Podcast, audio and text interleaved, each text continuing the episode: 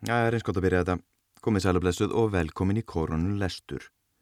Þetta er uh, lestur nr. 24 og hann er úr Árbókferðarfélags Íslands frá árunni 1995 og heitir á heklu slóðum. Og þau ykkar sem hafa eitthvað verið að hlusta í jafnaði, þau, þau muni eitthvað skemmti því að ég las úr Árbókferðarfélagsins frá 1945 og það var sömulegis hekla sem viðfársefni og mjög áhugaverð uh, insýn og fjallaðum helstu góð sem hafa orðið frá landnámi til 45 og nánast umhverfi heklu og, og fjallinu mjög vel líst hvernig það lítur út frá ólíkum sjónarhotnum og annað slikt og svo var fjallaðum með göngurferðir höfundar, þið verða afsaka mig, þið verða flettis upp, ég er ekki með nafnið hans alveg á svona í kollinum akkurat núna. En það var sagt frá, var sagt frá uh, göngutúrum sem sagt einsömlum göngutúrum á heklu og svona ímsum óformlum rannsóknar ferðum og það var sérstaklega verið að skoða hita, mögulegan hita í fjallinu. En við ætlum að glugga aðeins betur í heklu þetta merkilega fjall. Og ég vel þetta nú svona kannski þegar við skinnið það áður, ég er með svolítið persónlegar ástæður stundum fyrir vali og ég beðist afsökunar á því að vera svona afskapla eigin gjarn hérna inn í sefnubikinu mínu að lesa úr árbókonum og stundum vel ég eftir eigin geð þótta Í gær las ég Ístu strandir, árbók 1994 og það eru Hortstrandir og annað og uh, sjálfur er ég sagt, á ættir reykja til Steingrímsfjardar, strandir. En uh, á morgun er ég að fara austur og leggja leið minna austur að, að veita smá aðstóð fyrir austan og ætla að, já, keira upp að heklu, það er mjög nálat heklu þannig að ég mun sjá hana persónulega á morgun. Þess vegna ætla ég að veita ykkur smá einsinn í heklu og mér. Þannig að hvað á að byrja? Uh, á hekluslóðum er eftir Árna Hjartason og svo eru frumort ljóð nýju skálda undir kaplanum Ort til heklu. Þannig að spennandi einsinn og eins og með allar árbækuferðarfélagsins það er allt og mikið að spennandi efni uh, hérna til að velja úr og við komumst aldrei yfir nema ör brot. Uh, nálgun mín í korunlestri er svo að fara yfir einar ímsu árbækur og fá einsýn í ólíka staða landinu smá nasa þef. En ég ætla að byrja á ekki byggði gamlu raunum, afsakið þau sem eru alveg núna brjáluð og ringi símalínunar glóa hérna, rauðglóandi eða væri eitthvað símalínur. Það er nú reynda Facebook síða, heyrðu, jú. Lækiði Facebook síðan að farið hangað og, og kvartið ykkur alveg reynd kvartiðin í kaf og sjáum hvernig hvort að það hjálp eitthvað en þá kannski fjölgar í Facebook síðunni. Þetta er mjög óviðandi leið til að auglýsa Facebook síðu en það er ekki bestur í markasetningu en ég ætla að lesa úr Heklubæjum og ég ætla að fjallum Selsund. Akkurat akkurat, ég hef heyrt um Selsund áður. Þekkinu mann sem uh, vann um skeið og selsundi hérna 1900, upp úr 1970 en við skulum taka uh, svínhægi, byrjum á svínha og svo tekur selsund við. Ég held að það sé bara fín hugmynd. Og þetta er á blaðs, blaðsíðu 40 þannig að við byrjum á blaðsíðu 40 hoppum svolítið fram í árbókina. Handa djúft fylla lunguna lofti og byrjað lesa rólega og yfir vegaður svínhægi landnámsjörðin svínhægi er við Svínhaga læk skamt frá Rángá. Bærin stóð upphaflega efst á Svínhaga torfu, sunnan lækjarins. Snemma á 19. öld var hann fluttur, norður yfir lækin, þanga sem hann stendur nú. Holmi er í Svínhaga læk þar sem sagt er að grafin séu sískin sem tekið móra lífi fyrir eiga bart saman. Ekki gengust þau við sökinni og svo var ummælt að ef byrki hríslur, yksu og döfnuð á gröfunum væri það til marksum sakleysi þeirra. Það gekk eftir og hólminni vaksinn bæði byrki og víði. Ekki má bera eggjárn á tri eða plöntur þar, af því hlýst ógjafa. Eftir þessu hefur jafnan verið farið.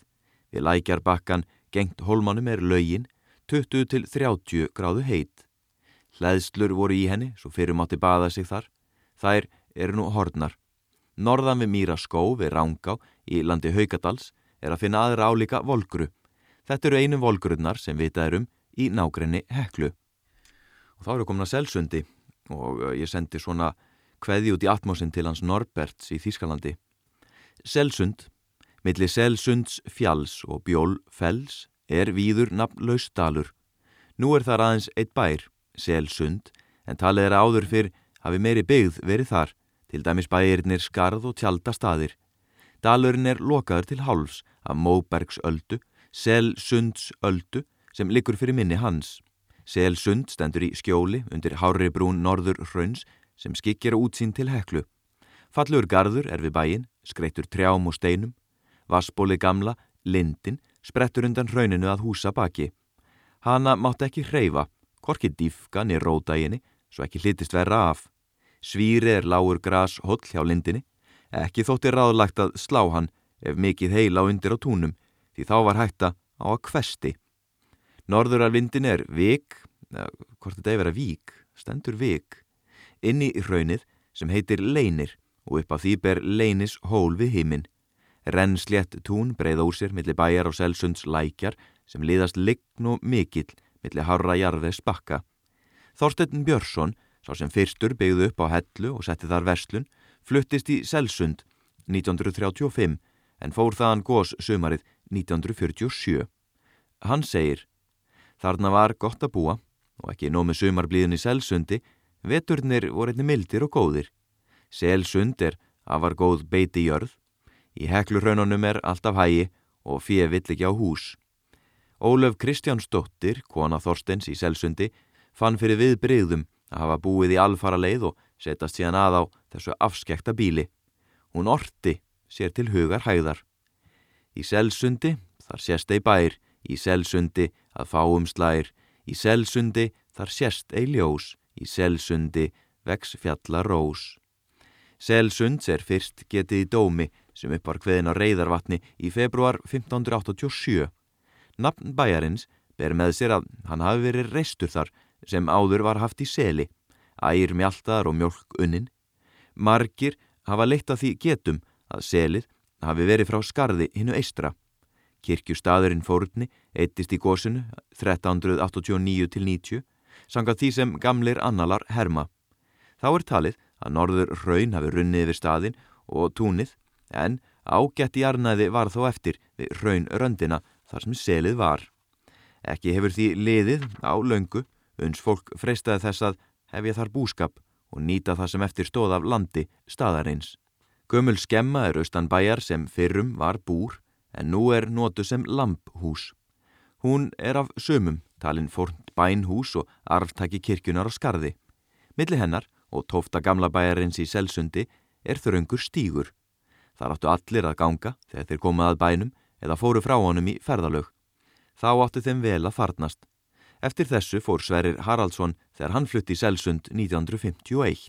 Skemman gamla sérst á teikningum af Selsundi frá 1832 og 1836. Hún stendur enn á sínum stað, líkt breytt frá fyrri tíð.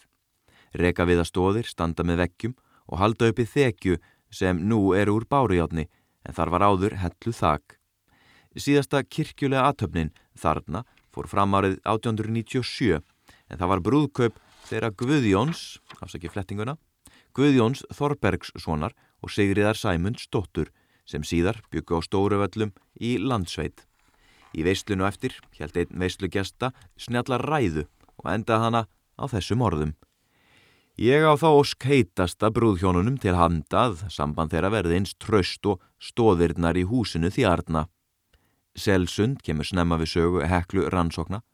Þaðan lögðu Eggert og Bjarni upp í sína frægu fjallgöngu árið 1750 og Sveitn Pálsson gekk frá Selsundi í báðum hekluferðum sínum 1793 og 1797.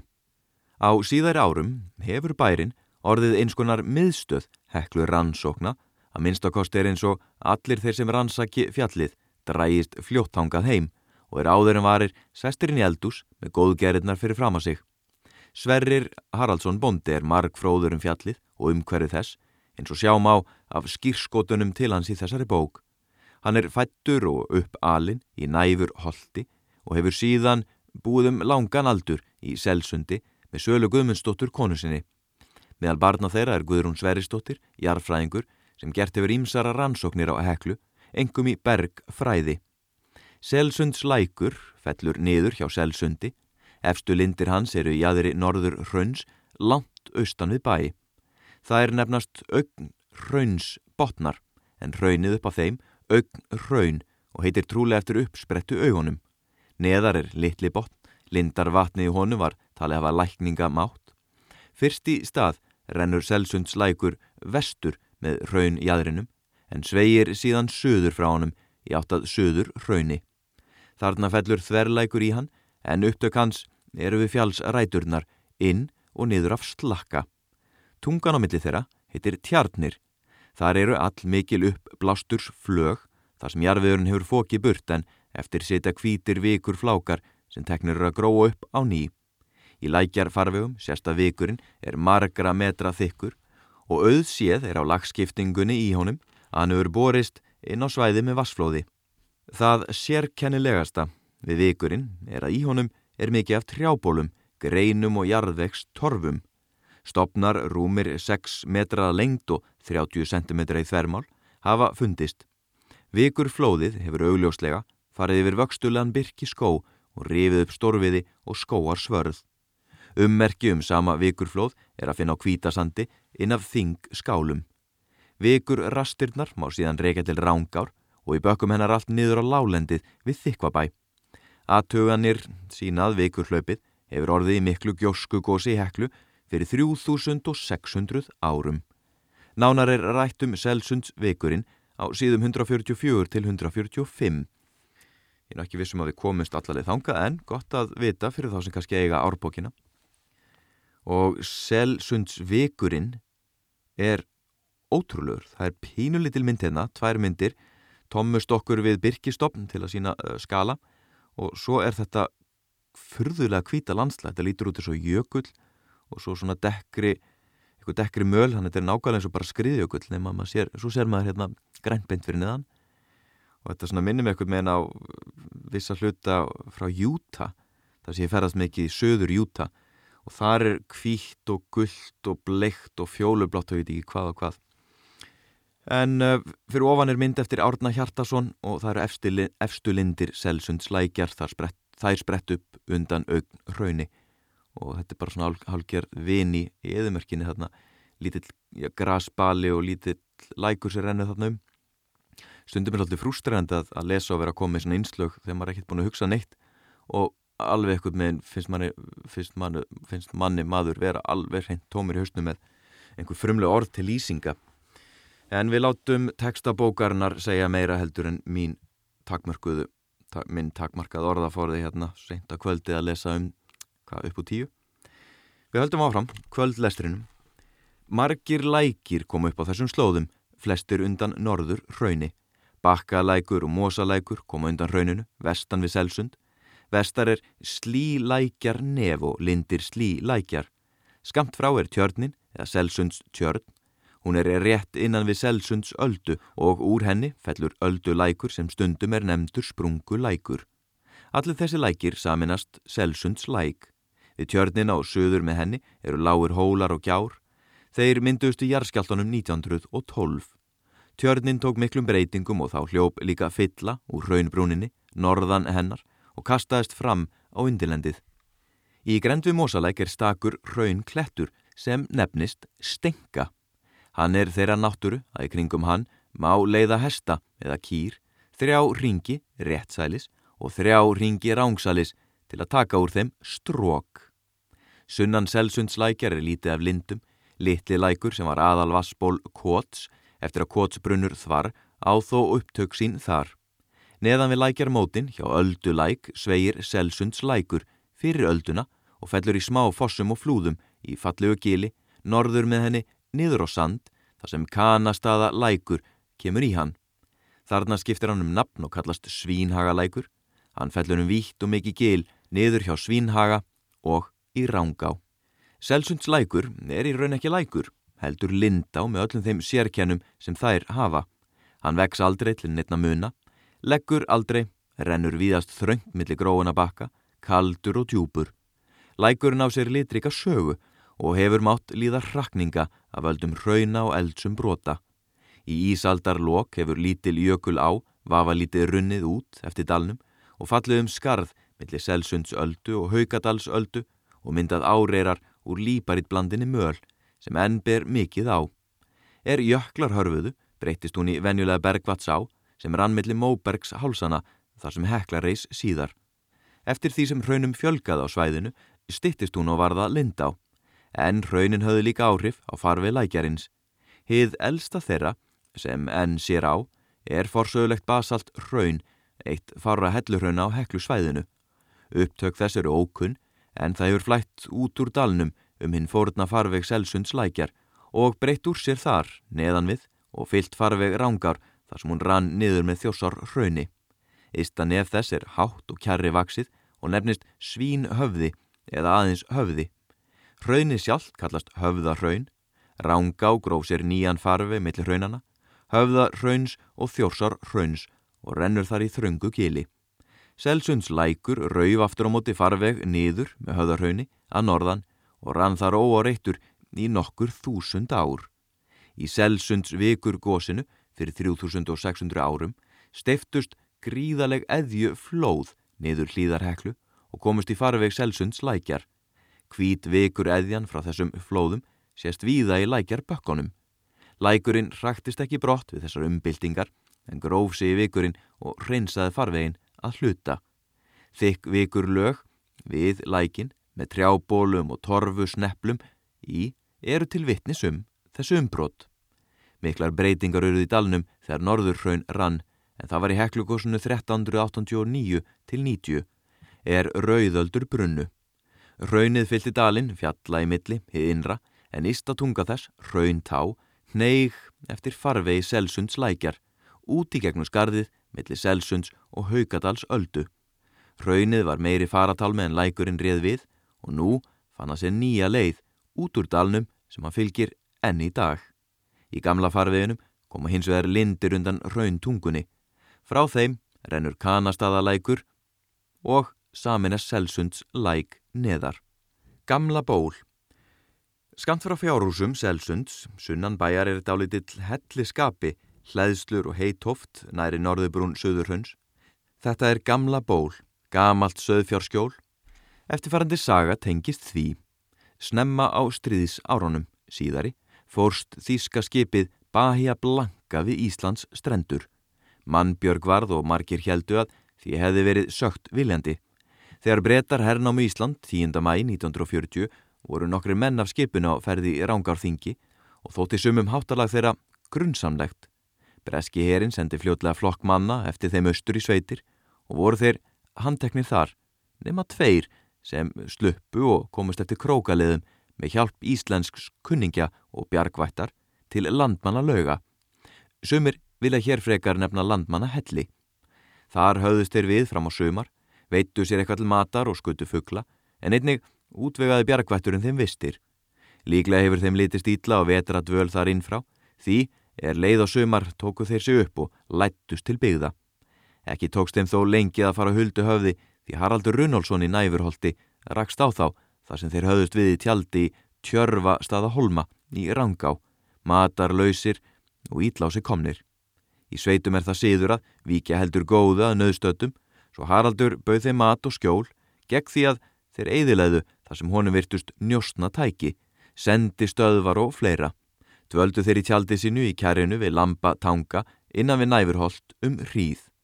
Síðar var það ráði að Þorstedt Björnsson, bondi í Selsundi, tæki þá undir sinn verndar væng og, og lendi þeim í helli skjörunu, gamla bóli, í söður hrauni.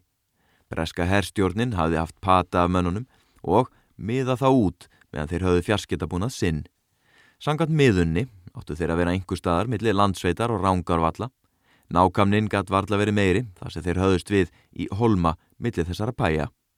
Herstjórnin sendi nút njóstna menn til að grenslast um mannaferðir á þessum slóðum en þeir höfðu ekki erindi sem erfiði. Fjö var lagt til höfus þjóðverunum og áður en langt um leið var sagt til þeirra. Þorstedt Björnsson hefur sagt frá handtöku þeirra En svo er það eitt morgun í ágúst að ég vakna klukkan tæplega sex við að bara er á klukkan. Ég lít út og er þar komnir hermenn og ég fyllt þeirra bjargvætturinn. Hafa þeir neittan til sagna og vilja að ég sjálfur vísi þeim leiðina hellinum. Ég læt undan. Mér er ljóst að ég hef tapað fyrir heimsveldinu og tilgangslust að berjast til þrautar og ég vísa hermönunum á felustadin.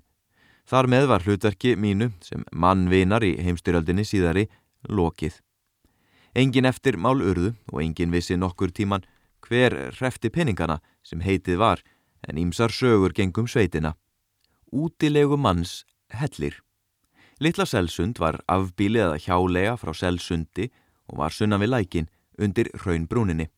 Koti fór í eyði strax á 17. öld. Uppi á rauninu þar skamt undan, rétt hjá lindum Littla lækjar, er útilegu manns dís. Vestur af Littla Selsundi í raunjæðrinum upp af stóra Selskói er raunskúti sem nefnist útilegu manns hellir. Endur fyrir löngu leindist þar útilegu maður. Bóndin í litla selsundi rakst á mannin þar sem hann var að laumast um hraunið sunnan bæjar. Hann hafði þá engar vöflur á en vó mannin og huslað þar í hrauninu. Þótt salar kynni í útilegu manns helli séu ekki vegleg er svo litill kaplu um þau í bókinni útilegu menn og auðar tóftir eftir Óla Brím. Söðfi hefur löngum leitað skjóls í hellinum svo að á gólfi hans er þykk skán. Lítil mannaverk er þarna að sjá, þó eru leifar af hlöðnu vekk fyrir munnanum. Um aldamóti 1900 sást enn í hlaðin bálk innst í skútonum og þar er hann vafalöst enn undir golf skáninni. Hann er 8 metra á lengt og 2-4 metra á breytt. Hæðin er aðeins 1,2 metrar þar sem hellerinn er hæstur en ef stungið væri út úr honum er það nokkru herri. Vestan við hellismunnan er gjóta í hrauninu og hella yfir henni. Þar undir er annar skúti, nærri manngengur, fimm metrar á lengd og fjórir á breytt. Þar var lengi dálítil beina hrúa.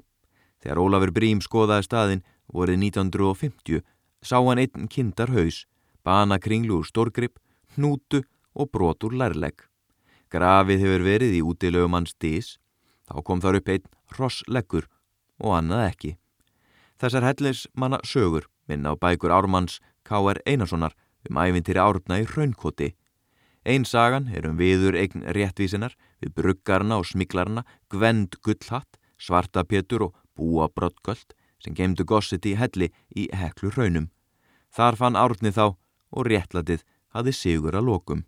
Svo eru tvær ljósmyndir á næstu blaðsjö, það er í söður rauni, bara fallegar raunmyndir og þetta minnir auðvitað á það að áður fyrr voru raun ekki talin sjónræn fegurðan einn hátt þar til að hann kjarval okkar fór að mála raunin og gefa þeim já bara sína þeim fulla virðingu og eru núna auðvitað bara algjör algjör í dýrgripir í íslenski uh, listasögu. Svo er hérna mynd frá Háfjalli Selsunds fjalls slakki til vinstri. Og það er ákveð tún hérna, þetta er mynd eftir Gretar Eiríksson. Og það er tún með böggum og það eru ekki rullubakkar heldur svona, já, eins og kassar. Uh, það heitir eitthvað, ég er ekki alveg svona landbúnað drengur í af húðahár, og, af húðahár langt í frá. En við lesum næst um við líst ykkur, þetta er alveg sko, þetta er alveg pínlegt að fletta, maður sér maður grýpur hérna niður bara uh, maður rekst í alveg ótrúlega spennandi setningar og orð sem að vísa til þess að hérna er eitthvað áhugavert sko.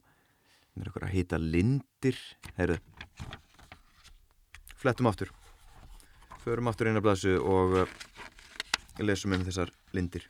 Uh, Hér undirkaplum skóar stóra skós botn Botna fjall dreigur napsitt af lindum sem kom úr móberginu í því neðanverðu Þarna eru tvö lindasvæði Frá þeim rennur botna lækur Innra lindasvæðið er minna en hitt Þar eru hinnir eiginlegu stóra skós botnar.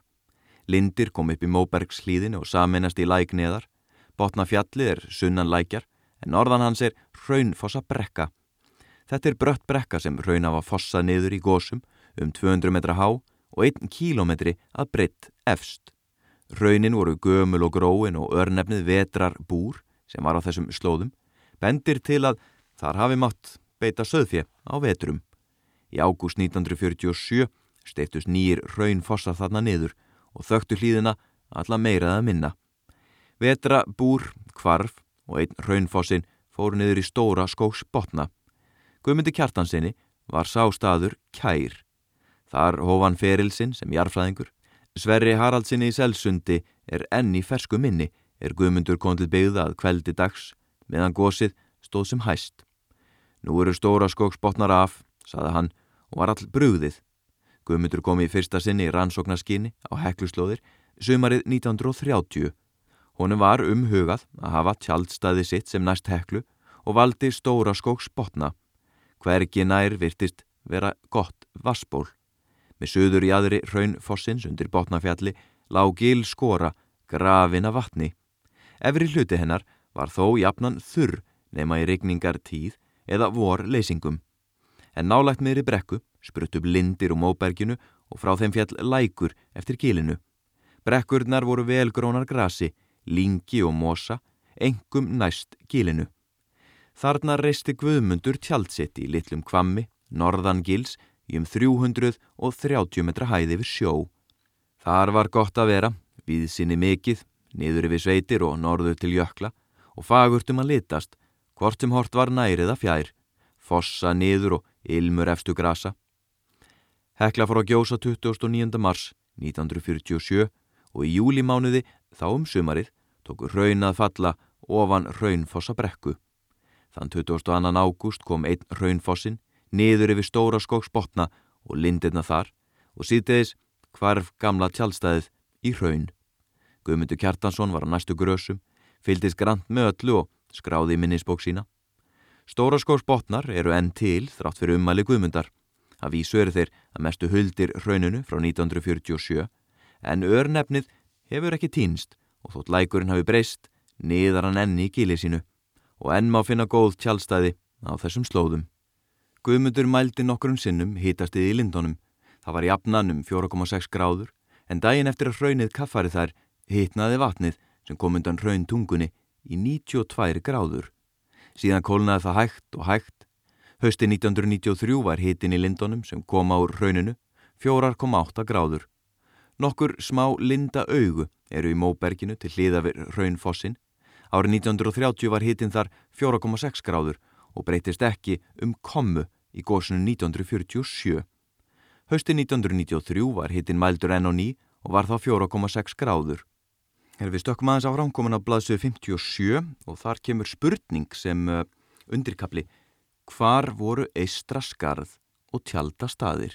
alltaf gaman að smá ráðgáttu, sérstaklega fyrir íbúa svæð, svæðisins og fólk sem er kannski sumabústaði kring og er svona kanna þessi svæði. Þá kemur hérna smá, ekki gáta heldur, bara ráðgátaða lendadómur sem hægt er að lesa sér til um og jafnvel að gera eitthvað í gönguferðum að finna. Örlaug bæjana skarðs, hinn eistra og tjaldastada hafa löngum verið mönnum hugleikið um hugsunar efni eins og þjóðsögur og munnmæli bera með sér. Það er því undarlegt hvað staðsetning þeirra hefur verið mikið á reiki á umlinum öldum. Í jarðabók Árna og Páls segir Stóra skarð, eistra skarð, þykjast menn heyrt hafa í gamal daga hafi bær svo heitið þar sem nú kallast skarðshólmar og eru munmæli að raun hafi við bæinn fallið í einu heklu hlaupi. Er nú eftir pláts nokkurt innan í rauninu þar nálagt sem byggðin skildi hafa verið. Að vitt sem stort túnstæði. Þessi skoðun stennst ekki því þarna hafa ekki runni raun síðan land beigðist og yngar bæjarleifar er þar að finna. Jón Guðmundsson frá ægisíðu segi frá því í árbók fornleifa félagsins 1928 að margir hafi talið að bærin hafi staðið all langt innan við Skarðsholma og orðið undir gráhrauni, Pálsteins hrauni. Sá hængur er á þessari hugmynd að rannsóknir benda til þess að gráhraunnið sé runnið 1554 en skarð eittist 1389. Árið 1818 sátu prestar viða um land við að svara spurningalista frá konungleiri nefnd til varfislu fornalda minja, den kongelíu komissjón til Olsaðis oppbevæing. Þar var spurt um forna muni, minjar og gamlar sagnir í sóknum Danaveldis. Þá satt á stokkalæk sér að Haldur Magnússon. Hann svaraði öllu sem að var spurt með stakri príði, nefnir meðal annars skarð og staðsetningu þess. Auk þess lætur hann fljóta með þjóðu sögu um eyðingu staðarins, að hans sögn var kirkustæðurinn fórunni austan undir skarði við norður enda á hæsta selsunds fjalli. Þarna verðist hann eiga við skarðið slakka. Þetta varð síðan ríkjandi skoðun um langa hríð og í samræmi við hana áleitu menna skarð og tjaldastadir hefðu orðið undir söður rauni og það væri runnið í gósinu 1389 til 90. Brynjólfur frá Minnanúpi greinir frá rannsóknarför sinni á þetta svæði með Ólafi Jónssoni bonda í Selsundi, löst fyrir aldamótin 1900. Þar höfðu menn þóst sjá Tungars brot út undan raun í aðrinum. Brynjólfur skoðaði gardin og efaðist um að hann var í manngerður. Ólafur saði Brynjólfi frá atviki sem hendi afa hans, Jón Jónsson, sem bjó í Selsundi 1813 til 1844, er hann var í smalamennsku á yngri árum sínum. Jón í Selsundi hafði eld kindur út í hraunið, nálat skarðinu og þá hafa hann rekið annan fótinn ofan í hólu án þess þá að gefa því gaum vegna eldinga leiksins. En þegar hann getti að, hafi hann fundið milsnúr fúnu tré í skónum á þeim fætunum og tali víst að þetta hlita úr hólunni. Hafi hann því leita hennar en ekki hitt hann aftur og engin síðan. Er það nú ekki undarlegt því fljót séð er að Til lítils kemur að leita einni smá hólu í öðru eins rauni. Á dönsku herfóringjaráðskortonum sem útkomu af þessu svæði 1944 er eistraskarð ekki sínt neðan undir slakka, heldur undir Falkhamri, nokkru sunnar með fjallinu og þar er það enn á nýjustu kortum landmælenga Íslands, eins og fyrir greinir. Guðmundur Kjartansson gerir ekki upp á milli staðsetningana við slakka og Falkhamar. Hann setti hins vegar fram þá kenningu að raunið sem eitt í bæjónum, söður raun, væri komið úr vondu bjöllum sem hann kallaði rauðubjalla. Árunum rétt eftir 1950 byrtust tvær greinar eftir Vigfús Guðmundsson í árbók fordlefa félagsins um eigði bíli í rángarþingi þar sem skarð kemur við sögu. Hann er sammala, sér að Haldóri Magnúsinni um staðsetningu bæjarins en telur að staðurinn hafi ekki eðist að fullu fyrir henni heklugósi um 1440 sem greintir frá í biskupa annálum Jóns Eilssonar.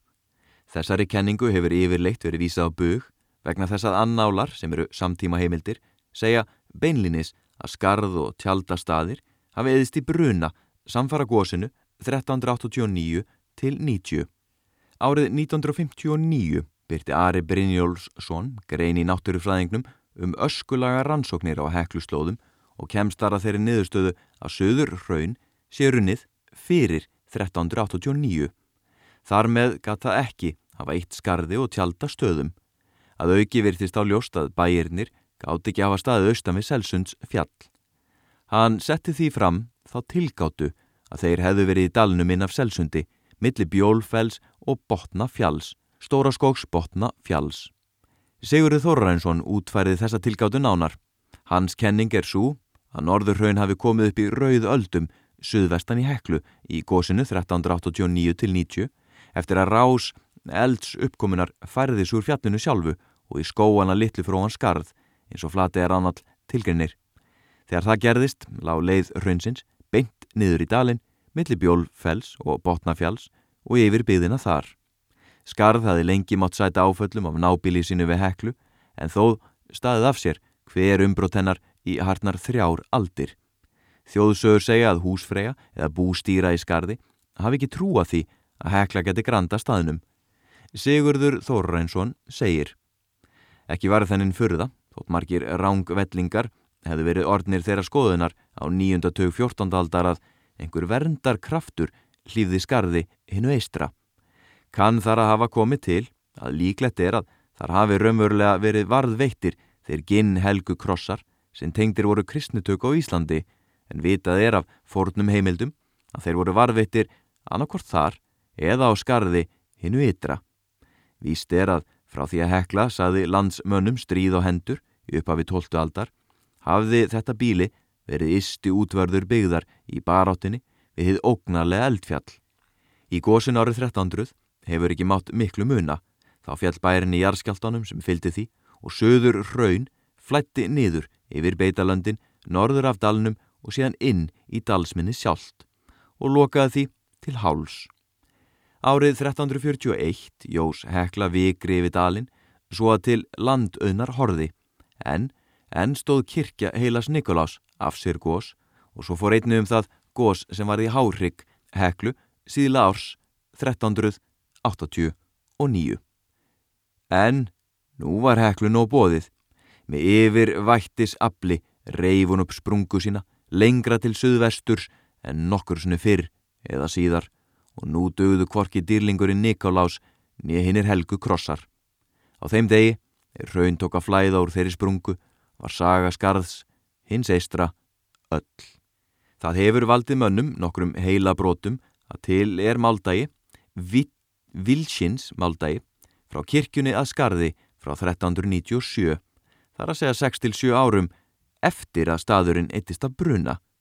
Valgeir Sigursson frá Þingskálum hefur varpað fram þeirri tilgáttu að Selsund sé í raun sama bújörð og skarð eistra. Hann telur að bærin hafi verið reistur þar strax eftir gósið og að máldaginn sé vottur um fyrstu byggð í Selsundi og um bæin hús sem arfsagnir geta um þar en hverki finnst nefnt í fornum brefum. Í ofnberum skjölum eins og í máldaganum hafi bærin haldið sínu forna nafni en síðar hafi örnefnið sem var á þessum stað orði yfir sterkara og flust á bæin. Það verður að teljast nokkuð of dirsku fullt, sé þessi kenning rétt, að byggja bæin sinn þar sem kólsvört 30 metra há raunbrúnin rýsað húsabakki, runnin 4-5 árum fyrr. Á móti kemur að þarna við raunjaðarinn voru landgæði mikil og freistandi fyrir eigundu þeirra að nýta sér þau. Tjaldastadir hafa vafalust verið skamt frá skarði. Í gömlu máldögum sérst að á tjaldastöðum lású kvöð að þaðan skildi árlega gjaldað otta gelding, gamlan og ostleif og þið sama að breyðabólstaði fljótslýð. Hugsanlegt er að þriði bærin hafi eðist í gósinu 1389-90. Það er bærin kanastadir sem örnefni benda til að hafi verið undir vestur hluta hraunsins. Þar er kanastaða nef og þar kemur kanastaða lækur upp í kanastaða botnum. Engar fornar heimildir nefna þennan bæ með nafni en gott skálks annall segir að þrjáða fjóra bæi hafi tekið af í gósinu 1389-90. Jarðabók Árna og Páls er elsta heimild um þennan bæ. Þar segir Kanastada botnar, kanastada torfa, kallast Eiði Pláts nokkurt, meinast í Haugadals landi nálagt Gráhrauni, Selsundsrauni. Þar í nánd þykjast menn heyrt hafa í gamal daga muni bær hafa verið, kallaður kanastadir, en enginn sjást þar nú líkindi til. Munmali eru að raunni skildi yfir bæinn, fallið hafa og hann svo aftekið. Það er einkennlegt hvað staðsetning þessara gömlu bæja hefur horfið mönnum úr minni. Eyðing þeirra var skráð í annala, strax eftir gósið, en síðan tóku lögmál þjóðsögunar við. Bæjónum sem eittust fjölgaði átjón, örlög fólksins fengu á sig ævintýra blæ og Nafn kirkjustæðarins breytist úr eistra skarði í stóra skarð. Allt er þetta, sangkvæmt formúlni, hitt er óvönlegt að bæjar stæðin skuli hafa glemst svo kyrfilega að menn mun ekki hvoru megin við Selsunds fjall þau voru. Það er líka einkennilegt og næri torrtryggilegt að ekkert einasta örnefni í dalnum inn af Selsundi skuli tengjast skarði eða tjálta stöðum. Herri, já, já, ég ætla að segja þetta... Uh gott í kvöld en eins og ég segja að fletta yfir það bara það er svo mikið spennandi efni í þessari bók. Hvernig væri ég myndi bara að lesa bara í gegnum nóttina? Bara lesa mig hásan fram á morgun og klára þessa bók. Það myndi öruglega að hafast. Hún er hvað halv 11 núna já það geti alveg hafast en ég ætla ekki að gera það. Það væri að gera alveg óeðlilega mikið upp á milli millir landsvæða. En hins vegar ætla ég enda þetta með uh, ljóðinu Eldstafir eftir Hannes Sigfússon og það er hluti af þessum uh, frum ortu ljóðum nýju skalda nýju ljóð eftir nýju skald og Eldstafir hljóma svo eitthvað vona ég lesi þetta sómasamlega ég er nú ekki vanur að, lesa, vanur að lesa ljóð hvað þess að ég hef alveg lesið ljóð á hrafnustu þá sé við nú les mikið upp á lesi ímislegt Mattias Jókumsson, Jónas Hallgrínsson og síðast í dag lásum við Kristján Jónsson fjallaskald. En hér eru eldstafir. Til eru svartar vakir á festingunni, þar sem tíminn hverfur, óminni stjúft, með atbyrði sína og einstaklinga, óðar en hann líður af jörðinni. Og til eru djúpir gígar á burstum fjalla, þar sem gengt er niður til vítis, verðandi sjálf, lýr þar eldstafi feikna og varpar þeim senn sem logandi teiknum að himni. Hraungjalli skráð er úr saga. Þetta var ljóðið eldstafir eftir Hannes Sigfússon og aldrei vita nema við glukkum aftur í Árbókferðarfélags Íslands frá 1995 um heklu og það er eftir Árna Hjartarsson þessi Árbók. Ég þakka kærlega fyrir hlustun, byggðu ykkur um að hafa gott, ég ætla að fara austur að heklu á morgun og kynast henni aðeins nánar þarna í uh, smá návi, finnum ekkit upp á heklun eitt slíkt, verð þarna við heklu rætur og ég skal koma tilbaka með smá skýrslu. Uh, ég ljósi þess að þessi lestur er fyrir morgundaginn þegar ég fer, hann er bara rétt á honum en það getur vel að vera í verði fyrir austan í smá erindagjörðum, smá vinnu, ferð. Uh, eina, tvær nætur, þá er sjans að það detti niður, falli niður eitt lestur. Og fyrir vikið skal ég setja skemmtilega myndin á Facebook síðuna, Korunlestur. Þaðan sem ég finn mig stattan og hvað sem ég er að gera, skal deila því örliti með okkur og bætað upp þá með tvöföldnum lestri síðar mér. En við sjáum hvernig ferðin og vinnan gengur. Ég er bara að þakka fyrir hlustuna, hafið það gott farið valega og munið að þótt að sé fara að hægast á smittum, korunusmittum og allt gott blessa með það, þá pössum okkur samt að missa þetta ekki niður. Ég menna þau bara, við föttum alveg öll hvernig þetta getur blossað upp aftur ef óvarlega farið. Þetta er bara veira sem best á milli og smittast og það er engin munir á því hvað, hversu skæðum getur orðið núna versus fyrir 3-4 vikum. Þetta er bara svona spurningum um, um, um hugafær núni og þreytur. Ég er bara hveðið ykkur. Takk fyrir, verið bless, bless, bless.